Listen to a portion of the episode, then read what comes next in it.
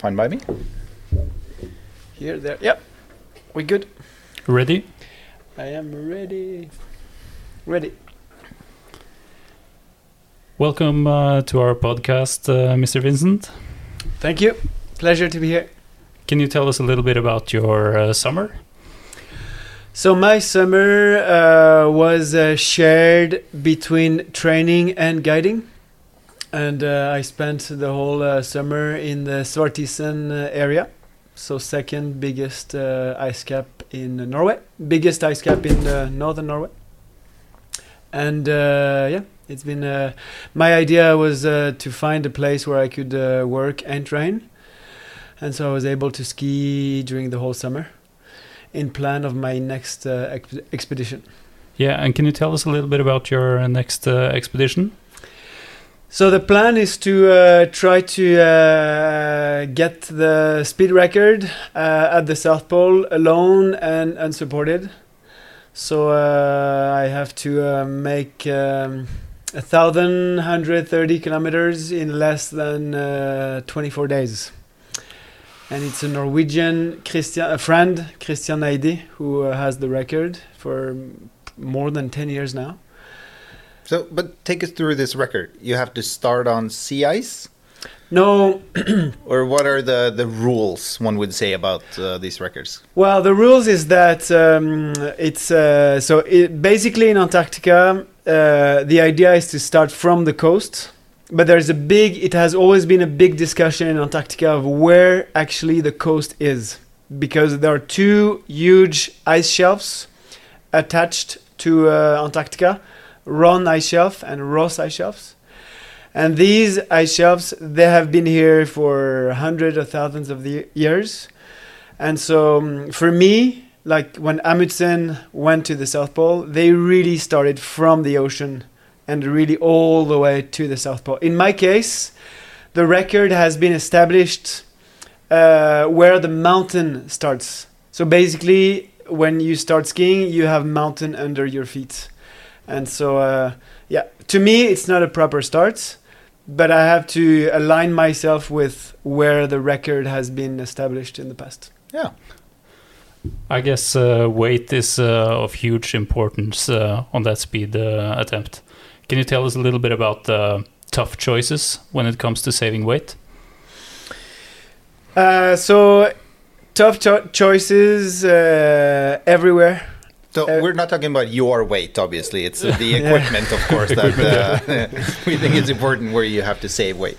Yeah, and um, yeah, it's going to be uh, every every aspect of the expedition. I I'm trying to save weight as much as I can, and uh, right now I'm cutting a part of my sled, and uh, I'm trying to take uh, yeah all the equipment now. I'm trying to customize it to be as light as possible, and also the thing is, Antarctica has been done many times.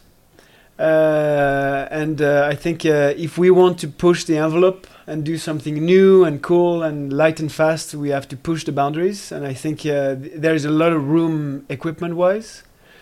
So yeah, so from from the clothing to the sled, the skis, uh, the poles, everything is in the process now of uh, being reduced um, as much as I can. And when are you planning on starting? Uh, December. Okay. Yeah. warmer- 2023, that is. 2022. Yeah. Three. Yeah. So you're going to spend Christmas and New Year's Eve in Antarctica? Yeah. Yeah. By myself in the tent. Yeah, that's the plan. Do you bring anything special, like as a Christmas present for yourself? Do you have a little surprise? Are you bringing gifts or Some kind of luxury? some kind of luxury since it's over Christmas, or are you just focusing on the record and weight and Yeah, I'm very um, I'm very focused on the on the record, but uh, I think I'll bring uh, a card. Usually when I go on trips, like uh, friends and family give you cards, and then you can read them on the way. And I think that's be the the most I'll bring. Yeah. I've also heard from other friends who've been to Antarctica that scratch tickets, uh, like Yeah. skraplod, Yeah. are is a fairly common uh, Christmas present to have yeah. because you know it weighs close to nothing, but you could potentially win a million kroners on the South Pole that year. Yeah, true. Good point. Mhm. And then I can reimburse uh, all the money that I'm going to borrow for the trip. Yeah, exactly. What kind of tent uh, will you be using on this uh, speed attempt? So I have a great partnership with uh, Helsport. I've been working with them for many years, and so uh, we are currently designing the tent for the trip. Oh, that's exciting. Very exciting. Can you tell us a little bit about it, Uh, or is it top so, secret? Well, well, let's let's put it uh, this way to uh, not reveal the whole thing, but uh, the idea is that uh, I look at the tent, and I'm like, we are really on the edge now of, is it going to work or is it going to crash? That's where we are. Wow. So yeah, because we really want to be, I really want to be as light as possible, and also one more one more time. So many expeditions has been uh, in Antarctica already, and uh, and so why repeating the same thing over and over and bringing the same equipment? So I really think there's room in Antarctica for ultralight uh, equipment, Very cool. and and also it's it's a matter in my head. It's uh, I, I've worked like all these past 17, 18 years doing trips, and now it's like uh, I, I want to go with as little as I can because, in a way, the more knowledge you have through time, the less you need. So hopefully, this yeah, this works. Will any of the equipment that you develop specifically for this trip uh, be launched in the uh, regular market?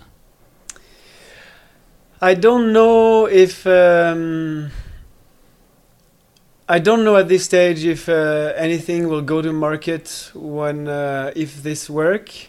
But the thing is, for example, um, with uh, yeah, I really I really hope that uh, if this expedition is a success, I really hope that can be uh, a base to uh, yeah to collaboration, for example, with Norrøna and to yeah to support the idea that now it's changing. We don't really need anymore to do expeditions in a heavy way.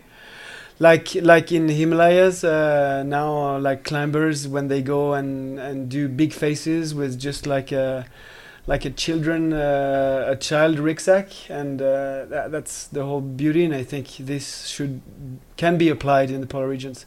So yeah. Because we have seen that before from uh, Norrøna, for example, with the Børge uh, collection. That is uh, that it has been really successful. So it will be really exciting with a Vincent Colliard uh, uh, collection of clothing, for example.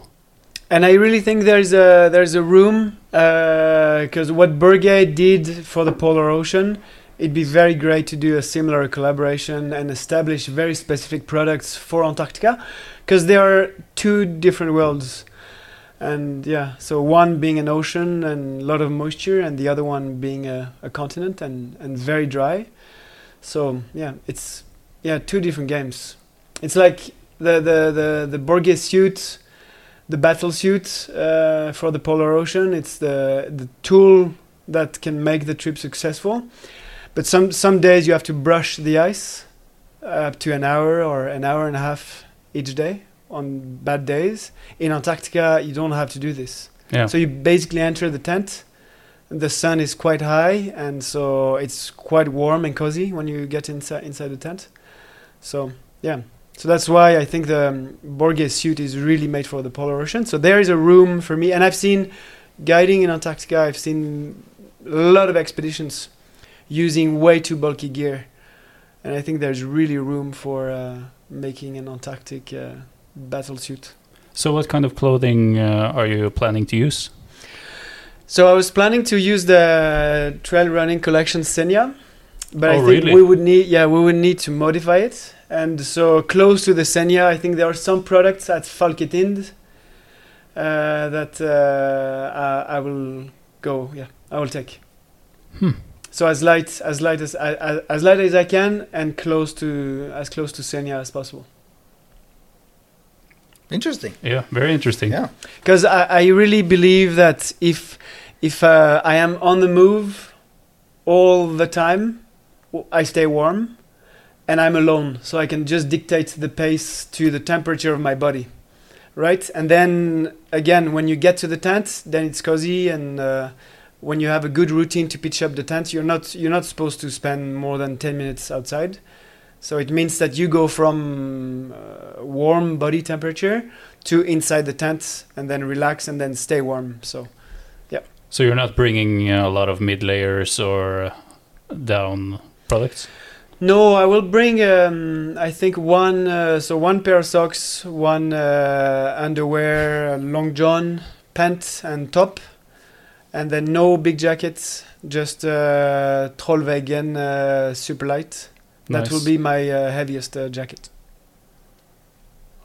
This might seem like a weird uh, question, but I've heard this from other explorers who are attempting speed records or people going to the Himalayas or typically Antarctica where you have the midnight sun, right? When you're down there. Um, are you going to follow the 24 hour clock or are you going to like take it to the extreme where you're actually going to Work the clock. work the clock? Like you're going to do just 10 hours, 7 hours, 10, like I've heard some people they just turn off their 24 hour clocks and just go into like expedition mode where it's just everything is just timed on specific amount of hours set out for everything. At this stage, I don't know, but um, the only thing that I have experienced on expedition is to go uh, long days and then have enough amount of rest and then copy paste the the next day.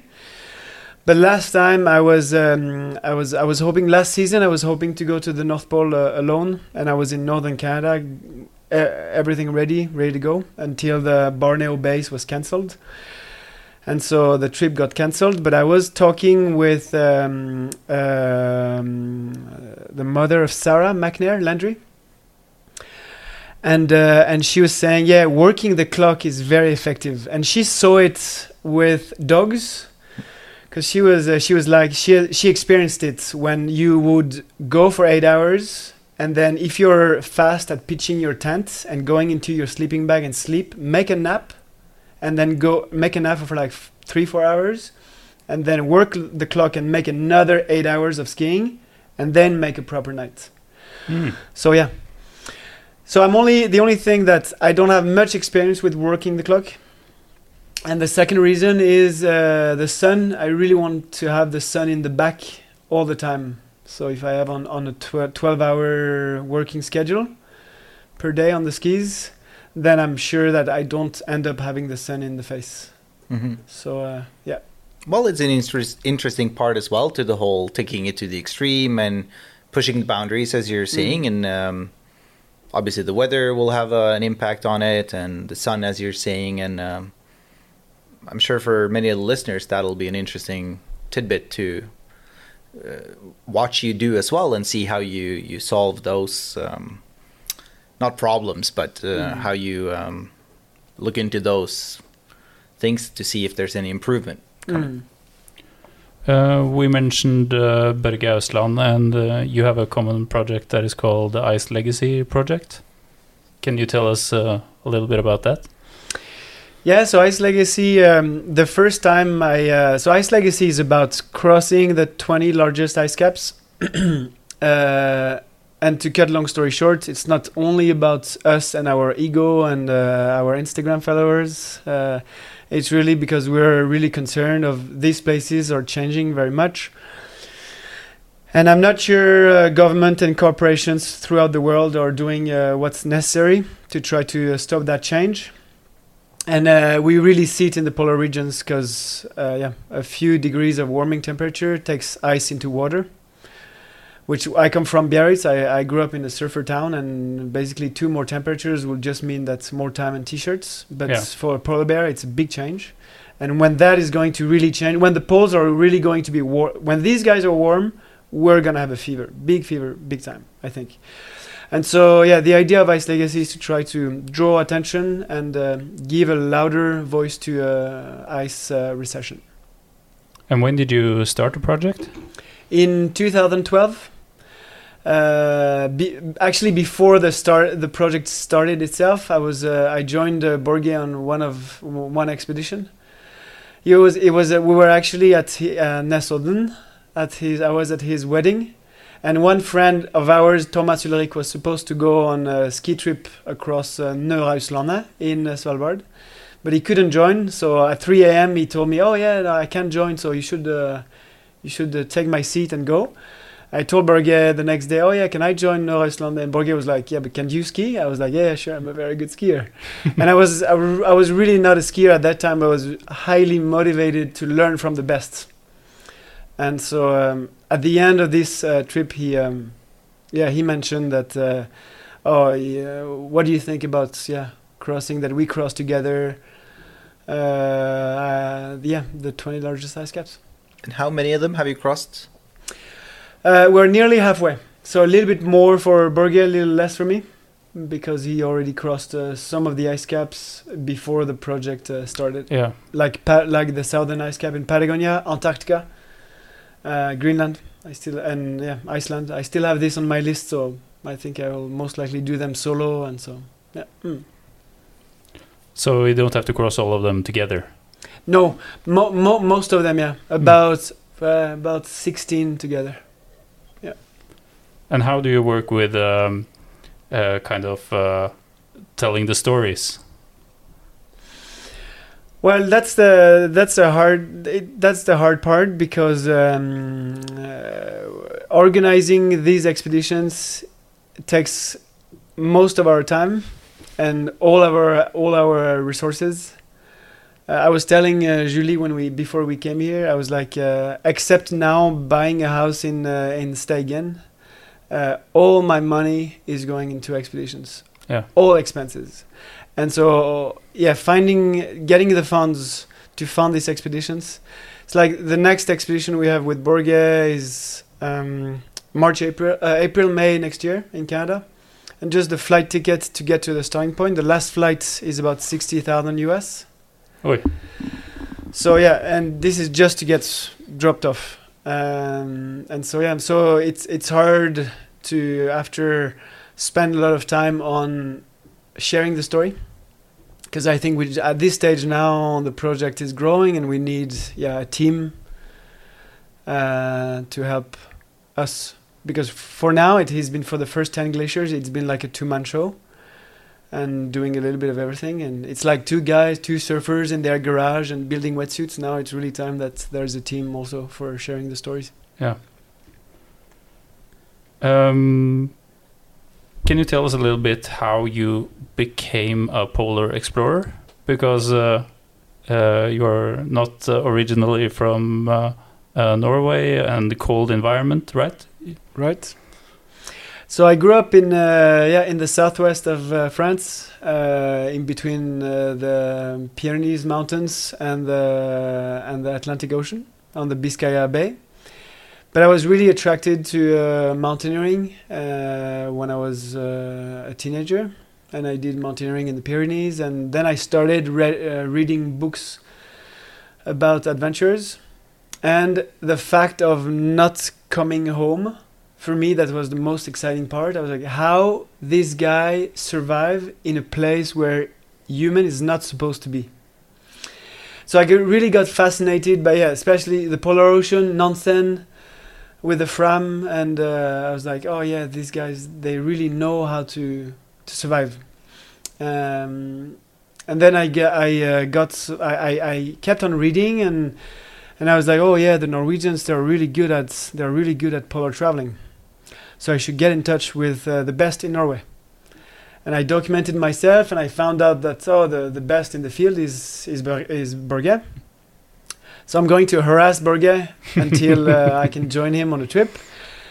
And in the meantime, I was finishing my uh, uh, business school in France, and uh, I had the opportunity to uh, join Borge while I was at school. And that's I told my school, I'm going to leave the school if you don't leave me that opportunity because I, w- if I don't do expeditions as a profession, I will work in this industry.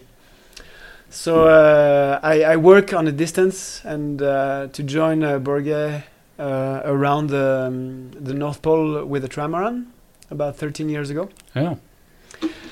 And um, yeah, and so before this, when I I finished uh, the business school, it's um, I thought I can't work from nine to five. It's not possible. This is it doesn't align with uh, expedition life. And my dad was really like, uh, you know, Vincent. Uh, when I was 25, I, I had like um, I had two loans at the bank already, and uh, and for me, I was like, oh yeah, but you had it, but that's not what I want. And so uh, I thought maybe fishing is a good um, uh, opportunity to work hard, three four months per year, and then you get enough money, and then you can do your own trips. And that's how everything started. And I went to Alaska, and I was looking for a job in uh, in a harbor and I was like, oh yeah, but uh, we don't want to hire French people. They're really arrogant and they don't talk English. Oy. So I had to work like one month for free, and in exchange of that free month, I got a reference to then apply for better boats. Whoa. And so the guy I the guy I, wor- I worked for in Kodiak, uh, his boat was not going at sea because he needed a lot of repair, and he said, uh, "Well, if, if you work for free for one month, I'm happy. If you're a good guy and hard hardworking and you don't complain like all the French do, then I will make a good reference for you." And then I worked, and I worked also in northern Norway. And to connect it back, t- to connect back the story to to Borge, it's uh, I was in the northern Norway uh, fishing in winter. That for me, that was the best experience I could get because you get a ton of moisture, icy. It's dark. It's perfect if you want to become It's horrible for most people, but for you, this is Yeah. perfect. Yeah. And uh, and Borge, I mentioned that I was here, and uh, Borge said, "Oh, I have a lecture in uh, Gardermoen at the airport in Oslo," and I said, "Okay, then I, I'll be there." And I, I came, and uh, he uh, came to the airport to pick me up, and I had at that time uh, 15 kilos of uh, frozen uh, kveita and uh, cod and uh, torsk, and that helped breaking the the ice. Hmm. And after after the talk, we were on the way back to uh, Oslo in a bus, and uh, um, I asked uh, Borge what's what's what's his plan, and uh, he said, "Oh, I I really want to try to sail around the North Pole in one single season." Uh, and then he uh, sent me the question back, and I told him, "I'm going to harass you until I get a place on this boat," and that's how everything started. Cool. Did you have any uh, sailing experience other than the job in uh, Alaska and Norway? So I had a little uh, sailing experience, but mainly I, I spent I, since I grew up on the ocean, uh, and I spent some time on fishing boats. Then I was used to heavy weather, and I was not seasick. So yeah, these were my uh, points to him to convince that I could be useful on the boat, and I was highly motivated. Yeah. I think it's interesting to hear how you um, you started at a young age reading about these explorers, and you ended up reading about Norwegians and um, and Ousland as well. And it seems like you one day got to meet one of your um, heroes or childhood, uh, one of the people you were looking up to. Have you ever reflected over the fact that now you might become one of these people that other people, other kids, younger people are reading about? and that you're influencing other people to go out on adventures? Do you have a do you have that in mind when you do things? Do you try to influence younger explorers in a certain way? Do you do you try to take that into consideration on podcasts like this, on your social media, in book and such? To try and is there anything specific you try to to tell them to show them? Yeah, absolutely. And it's uh, for me today. It's really mainly linked to uh, to the environment. Because I think the, the the more explorers, the more people passionate about uh, the polar regions, uh, then the more um, voice these areas can get, the better to protect them. Um, yeah, for, absolutely for sure. If uh, if uh, I can hear that one day you know there are some activists uh, slash polar explorers and they are fighting against uh, arctic drilling and because they heard that uh, yeah they they were Nansen, Amundsen, they were Borge, and hopefully one day uh, they will be me on the list. I would be very very proud. Yeah, and I think that will be.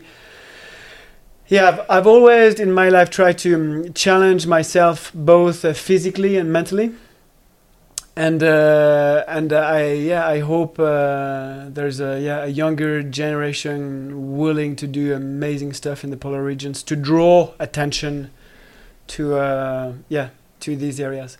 There is a so next this next expedition we're going to do with Borge, we might make a film with a lady called Tasha, and she produced uh, After Antarctica. So After Antarctica was like uh, an expedition in the 80s, 90s when uh, Will Steger and uh, it was like a group. Uh, it was several countries crossing entire Antarctica with dogs, and at the end. Uh, Will Steger managed to talk to uh, the highest politicians in uh, in the U.S. to protect Antarctica and to have a treaty. And so, for me, on the long run, that will be the most valu- valuable thing with the newer generation, knowing that they are going to fight at the highest level they can to yeah ins- inspire to, to change the the opinion. So so governments take take measures because I think the change is coming from us. I, I'm not sure the change is going from from governments. I'm not. I'm not. I don't believe it. It's But- coming from us. Yeah. Do you see it difficult as a, a two-sided how you might advertise Antarctica and you travel there, you take pictures and you show Antarctica. Do you? I mean, do you want more people to travel to Antarctica, or would you prefer them to stay home and look at your pictures of Antarctica? I Mm. don't mean to be an asshole asking this No, no, question. no, no. but- Please but be, I- it's no, a, it's be, a be an asshole. That's the very interesting conversation. Mm. Uh, yeah, it's so that that is the biggest contradiction that I uh, I have, uh, and I feel sometimes, yeah, some even though I feel quite invincible uh, after all these trips and all these years, that is the thing that gives me anxiety. Is traveling to these places, inspiring about uh, yeah the climate change, and at the same time flying the planet all over, and then probably having more people in the future traveling to these places. So um, yeah, so to answer your question, I am I don't know. No.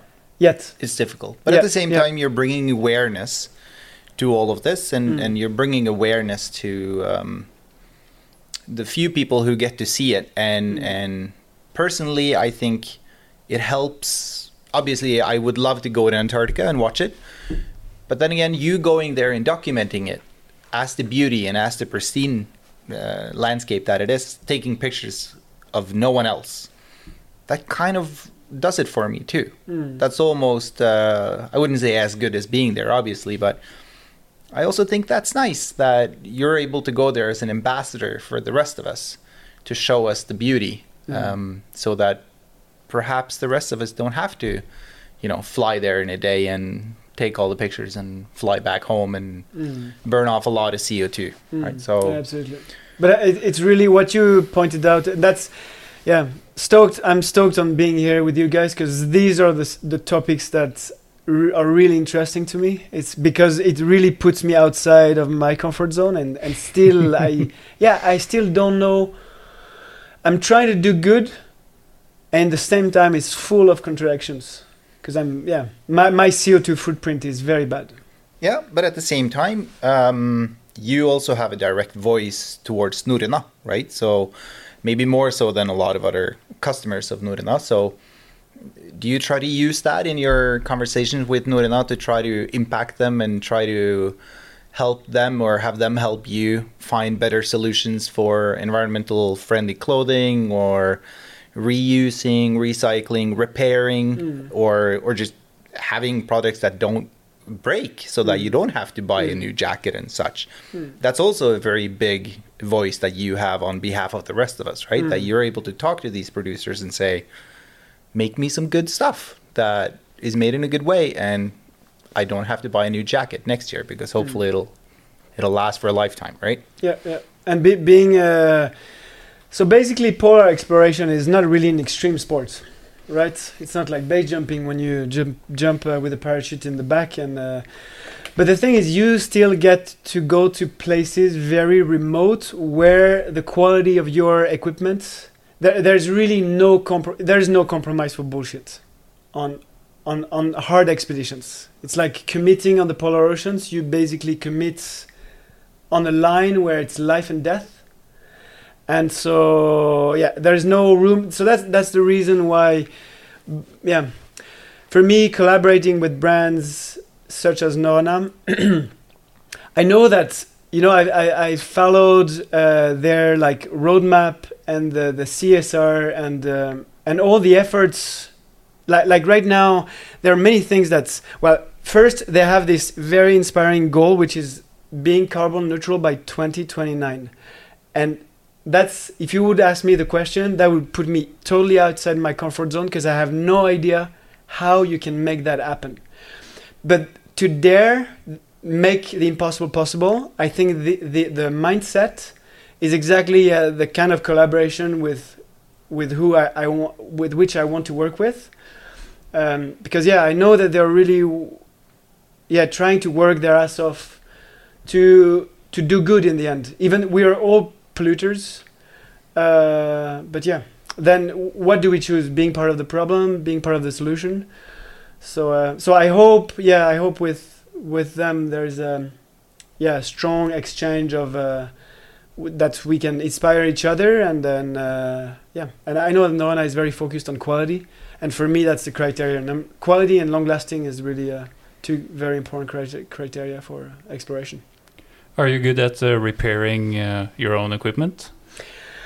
So I'm not I'm not probably as good as my grandmother or my mother with a sewing machine, uh, but I repair yeah all the time on trips. So basically, uh, yeah, it's um, more important to have a, a needle and a good thread than having a rifle and get protection against polar bears. To me, Because the last few years, if you have a fleece jacket or uh, if you have pants that are visibly repaired, uh, it has become uh, well, uh, it has become something positive rather than negative.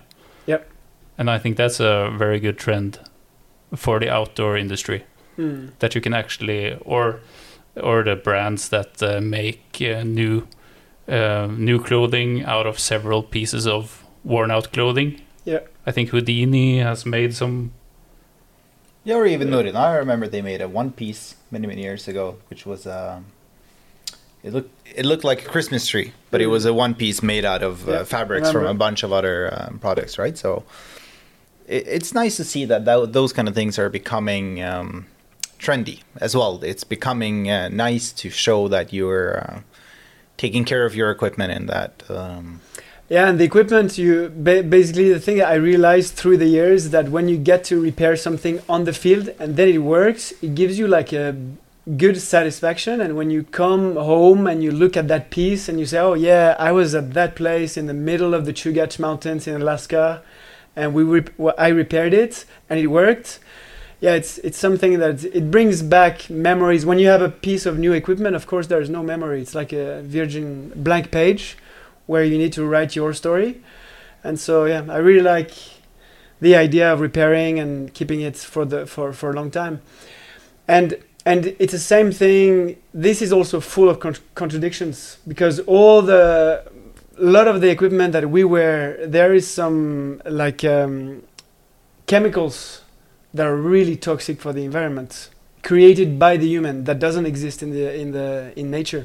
like fluor coating Yeah. and stuff like that. For yeah example. exactly yeah so yeah and so what that's one more one more reason where i can only work with brands that doesn't make any compromises and and i know Norrøna is trying now to get out to phase out the the pfcs and uh and yeah because in the same time we love nature and we want to leave our passion and in the same time these, these chemicals are yeah nasty for for us Mhm. What's the weirdest thing that you bring on expeditions? Um, I think now I bring um, th- uh, resin to repair my teeth. Ah, Because last uh, summer, that was very cool. Uh, last summer, I was uh, I was putting. You say cool. This again. This sounds horrible, but you say this is cool. Okay.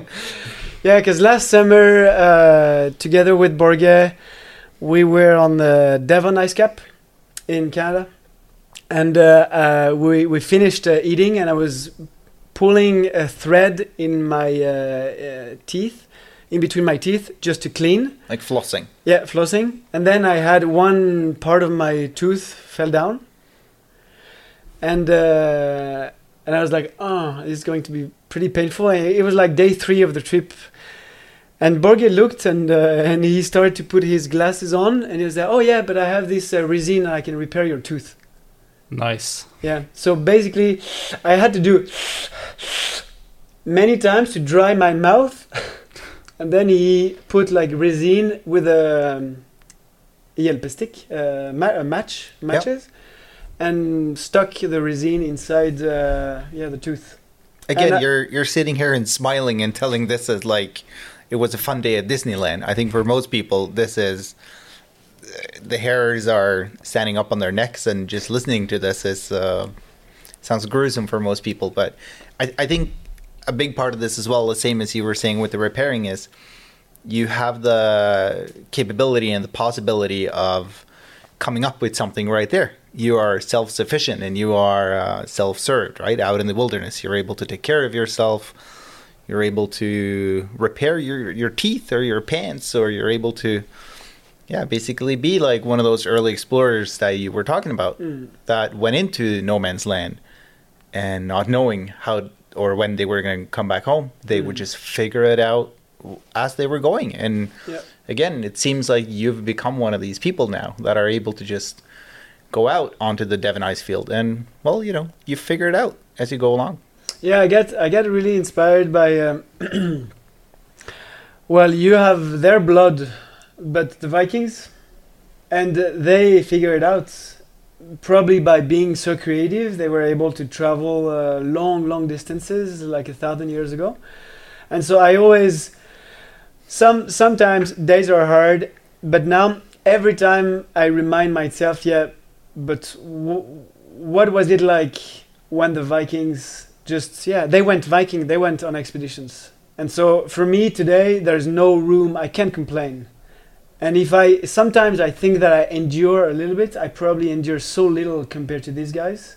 And all all with all the comforts we have in modern society yeah it's I'm always telling myself try to be creative and find solution with what you have and that's the beauty of going unsupported is that you have your sled and your stuff and you have to, and you have to find a way Yeah.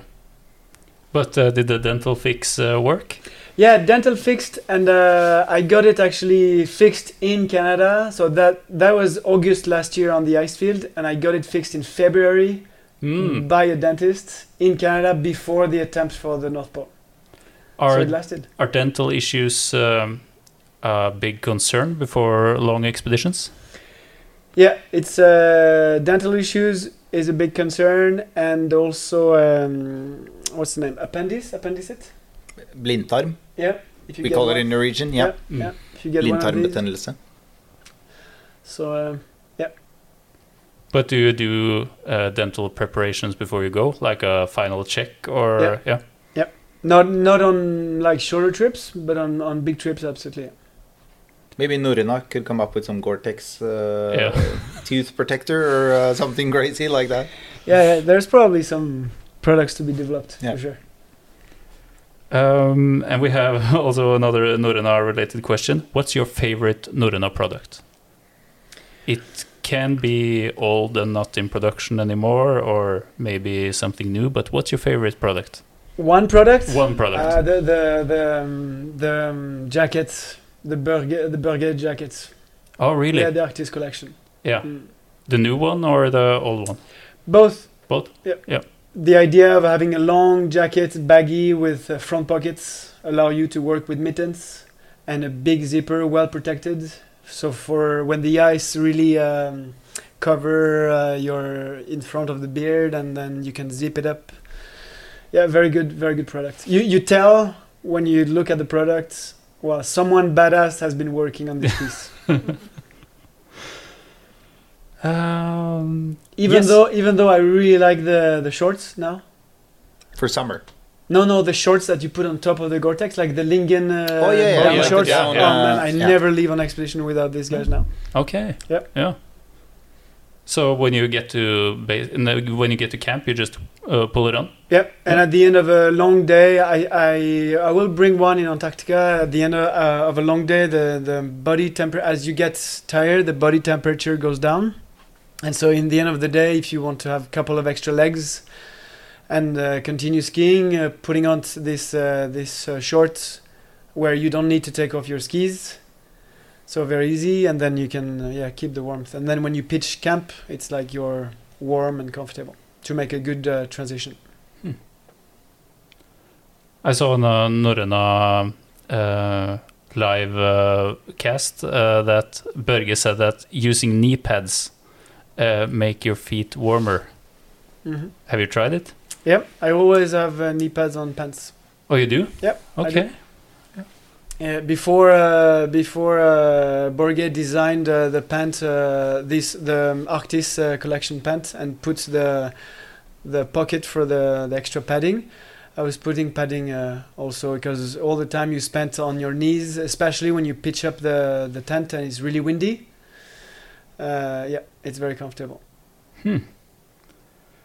And um, when it comes to expedition gear, uh, what kind of category do you think has evolved the, the most um, during your expedition uh, career? For example, tents, sleeping bags, uh, clothing. Which Mm. category do, uh, do you think has improved the Or most? navigation. Yeah, navigation maybe. Yeah. Mm. Mm. I think uh, there's a good uh, good progress in the um, goggles and sunglasses with the photo photochromic, Okay. right? Going from zero to four. Uh, when uh, together with uh, my wife Caroline, when we did the the first uh, winter crossing of Svalbard, I had just one pair of goggles from Julbo, and they went from zero. So when we started the trip, it was all dark, and when we finished the trip 63 days later, it was like most of the day was bright, and so that lens went from zero to four. So very cool, yeah, very cool in- innovation. And then clothing, clothing wise, it's uh, yeah the steady, the steady progress and the steady feedback of um, of the the, the Arctis collection and and other products like Trollvegen. Um, yeah, you can tell that uh, you know the, the zippers in the back, and so for to be comfortable and go to the toilets. All these little details that makes your life instead of being miserable, uh, you enjoy the experience. So there's uh, not much of the equipment that you used in the beginning of your career that you are missing now. You think most of the products have uh, improved. Yeah, I think most of the products have improved definitely. Mm. And and I think we go. I have the. I really have the feeling that now it's possible to go really light and fast, with uh, yeah, with very lightweight equipment. So in, in uh, it's probably like surfing in the cold water. Like uh, instead of using maybe a six millimeters, maybe in the future we will be able to paddle in three four degrees water with a two three mil. And I think it's uh, for the clothing. I believe in the polar regions, it's uh, should be possible to have uh, yeah lighter fabrics. What about electric clothing? Have you tried any of it? We see that there's a, a growing interest for it, like uh, electric insoles for your shoes or gloves for people who go alpine skiing, um, but also hunters who go out for days. They have uh, jackets and such. Do you ever see that entering the the more expedition life as you are? No, not really, because uh, for example, I um, there's one piece of equipment that I I also always bring with me the kat- katanker, big uh, woolen uh, sh- uh, yeah. yeah. Mm, yeah. uh, socks uh, shrink in the machine or Ja, tovet ull. tovet ull. Mm. Mm. and th- and uh, this was Borge used them probably 20 years ago and my uh, first advice for feet that I will tell to uh, a beginner would be grab you a good pair of uh, katank Mhm. so this has this doesn't change. And so the uh, all going unsupported means that the equipment has to be extremely reliable. And because of the cold temperature electricity and cold temperature maybe we're not there yet. Maybe it will come but i will not leave alone on the polar uh, ocean for example with uh, any electrical uh, garment uh, No. items thinking about a Yep. wetsuit. It would be very cool to see an electric wetsuit. I was thinking as a super thin electric wetsuit. That would be uh, that would be pretty nice. I think. Yeah, one so one surf brand made uh, uh, had batteries. Oh really? Yeah, yeah, Rip Curl had batteries in the in the back. Oh, that's I funny. surfed once in Lofoten with batteries in the back, and then you instead of a six five four millimeters, you could use like a four three. Oh wow. and you had batteries for an hour, an hour and a half. So uh, yeah, Hmm. but then the whole thing with uh, the salt and the batteries and the wires, yeah. it's like ah, sometimes I'd rather just grab my six five and go Yeah. surf. You know it's not going to last very long. Mm. But is Yeah. there any other equipment where you think there will be a, a big change in the future? Is there any other specific part of your uh, equipment where you think there will be a, the biggest evolution? You were saying weight. Do you think weight will be the biggest change over the next 20 years compared to the equipment you're using now? I, I- I think weight, yeah, and and then we really see it with trail running. How trail trail running is becoming so popular, right? Yes. Like like we've seen it in uh, one week ago or ten days ago in UTMB in Chamonix. Mm-hmm. How many thousands of people are now gathering for that event? And so um, it's in the spirit of going long distance with very m- being very minimalistic. Mm-hmm. Uh, same as uh, you know guys like uh, like Steve House or climbers who just climbed uh, the Rupal face of Nanga Parbat just with a small uh, backpack uh, for for for, chil- for child. So um, I think in the yeah in the polar regions it's going to be about uh, yeah w- weight I, I think so and um, and then thinking out loud there's probably I don't know if solar clothing can come to to be something one day. No. The only thing is that every time innovation is very exciting, but I always think about the environment. Yeah. You know, but but like in Antarctica, making something solar. Somewhere in the membrane, for example, in the lower back or uh, close to the heart and the lungs, having uh, something uh, solar can be something. Mm-hmm. but yeah again it's uh, it's tricky because uh, yeah.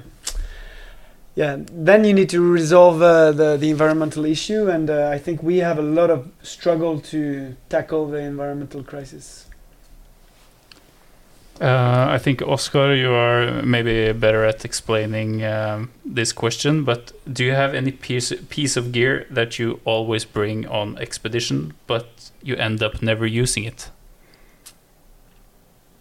like a lot of people could often bring in their um, first aid kit is obviously the most uh, traditional thing that there's something they never use or even in their repair kit i heard another um, arctic explorer saying that he had always brought steel wire so ståltråd. Yeah um, he had that with him for the past 20 years but he never used it.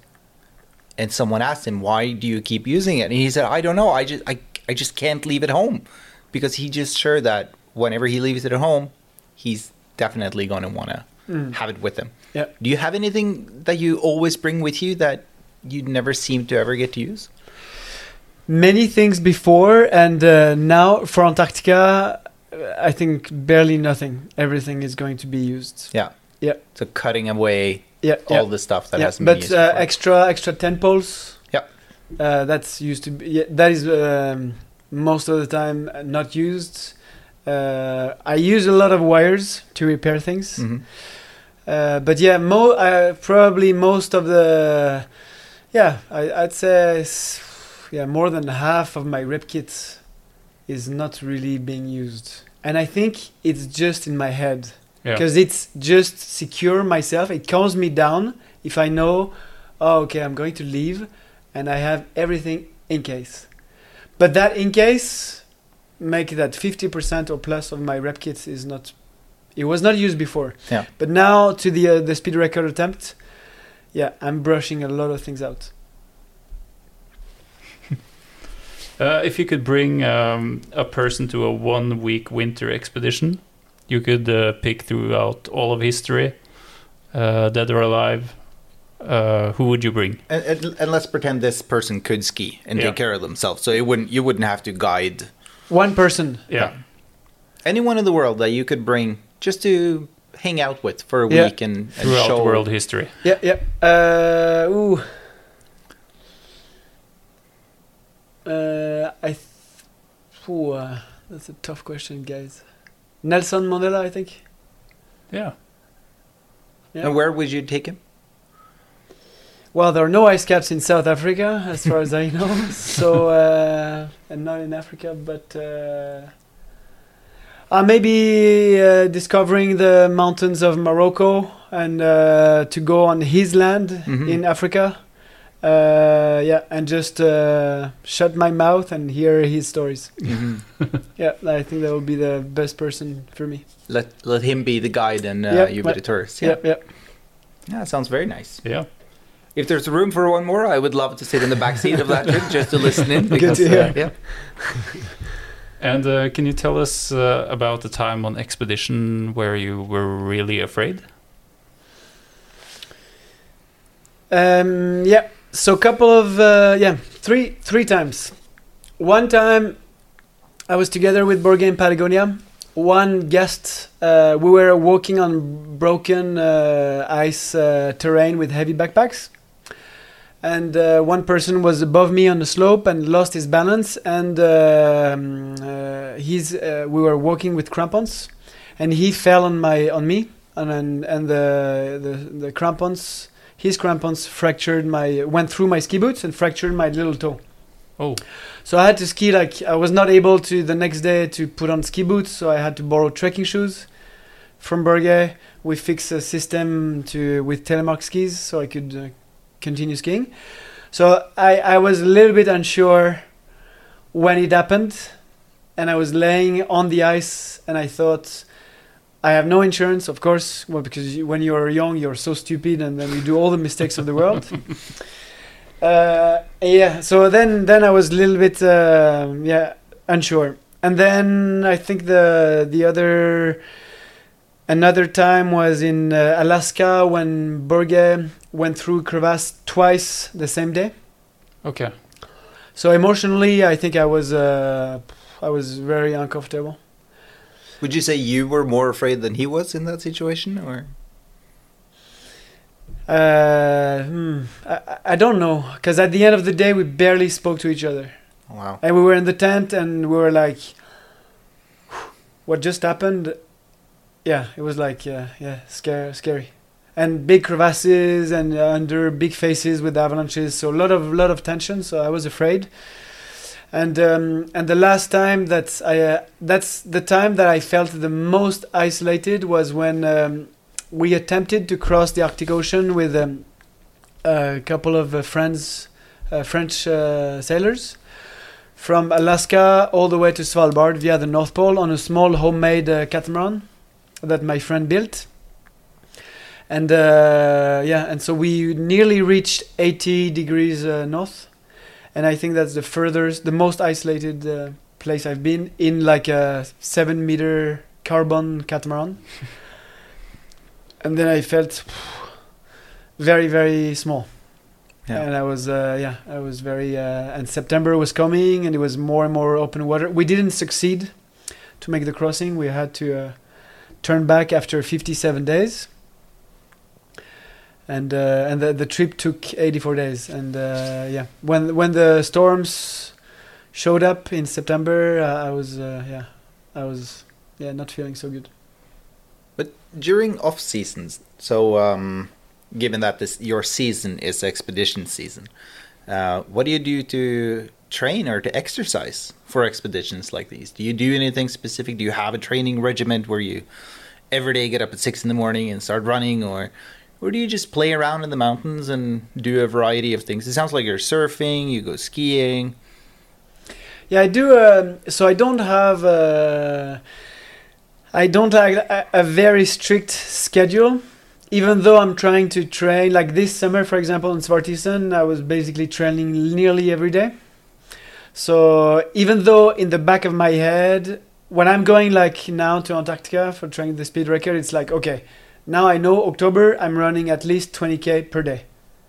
Maybe one day off, and then I do some other exercises for the body. So I have a plan, but most of the time I like to go out in the mountains for long, long hours, and uh, and yeah, I like to when it when the lights is suddenly beautiful. I like to stop and and and watch it, and not push my heart all the time uh, to the edge. hmm Uh, and uh, and sleep wise, I uh, no, I don't wake up at six, and I I think uh, sleep uh, is very important.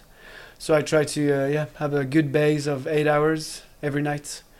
Yeah, and then the food also is contributing to trying to eat as little processed food as possible. Trying to stay just in general good shape Yeah, before you good shape. travel. Yeah. Yeah, yeah, absolutely. And do you train specifically, like we've seen over the past few years, uh, pulling tires, for example, in the summer? All of a sudden now isn't as unusual as it was, you know, 20 years ago. Yeah. Now you can see people everywhere walking their dogs, pulling tires to and Yeah. from kindergarten, go pick up their kids. It seems. Mm. Do And you that's train, uh, train like this as well, like specifically with uh, with stuff like that? No, I don't. Uh, I don't like uh, pulling tires because it remind me of uh, pulling a sled. uh, so uh, yeah, no, I, and I for me it's um, I know it's the right way of preparing your body. Yep. Probably the last uh, two weeks it's really worth for me to yeah put a weight in the back and pull it, but I rather be light and uh, cover more ground. Yep. Just because I enjoy being lighter than uh, yeah going too slow. But how how heavy will your uh, sled be in Antarctica? I hope under uh, 60 kilos. That's my uh, target. That's interesting. We heard someone the other day. We're not going to say who, who has a similar uh, project and a similar um, goal as the one you have, but he said 50 kilos. I think was his uh, Yeah. maximum weight of his uh, whole equipment. So. Yeah. it'll be very, very interesting to see how these boundaries are being pushed and. Hmm. Um, yeah, to see how far it will go, and uh, I just I just have one last question, and maybe you have more, Sindre. But you say that you just said that you like being light. You like, um, uh, yeah, traveling light and traveling fast. To me, I would say that if you were an animal, you would be a polar bear. I've seen hundreds of polar bears, and you know they're not very light, but they are um, slow moving, and you know they love the cold and they love the ice and everything. But if you were to imagine yourself as an animal, what animal would you imagine yourself as? If you, if you were an animal in your previous life, Yeah.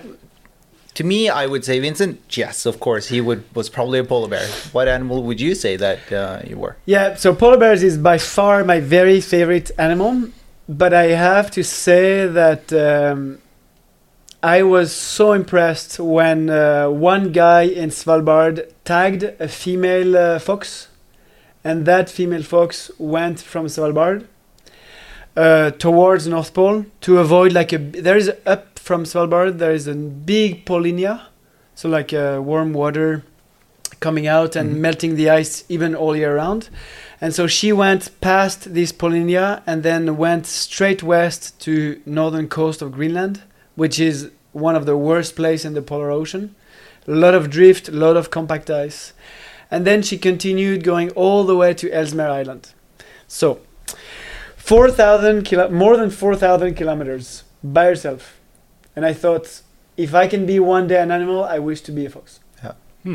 And I was so impressed by, and I was like, but how? Oh yeah, we're. Uh. I felt so so uh, stupid. I'm like, oh yeah, I'm posting const- content on inst- Instagram to tell the world that I'm such a badass hardcore explorer, and she is making four thousand kilometers by herself.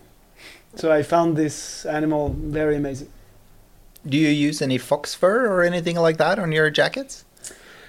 I use. Uh, I think I will stop using uh, fur. Yeah. yeah. So I will not uh, use any. Uh, maybe a synthetic fur in Antarctica just for the the, um, the the the the air when the wind is in the face to avoid the air go through in between your skin and the jacket. Yeah.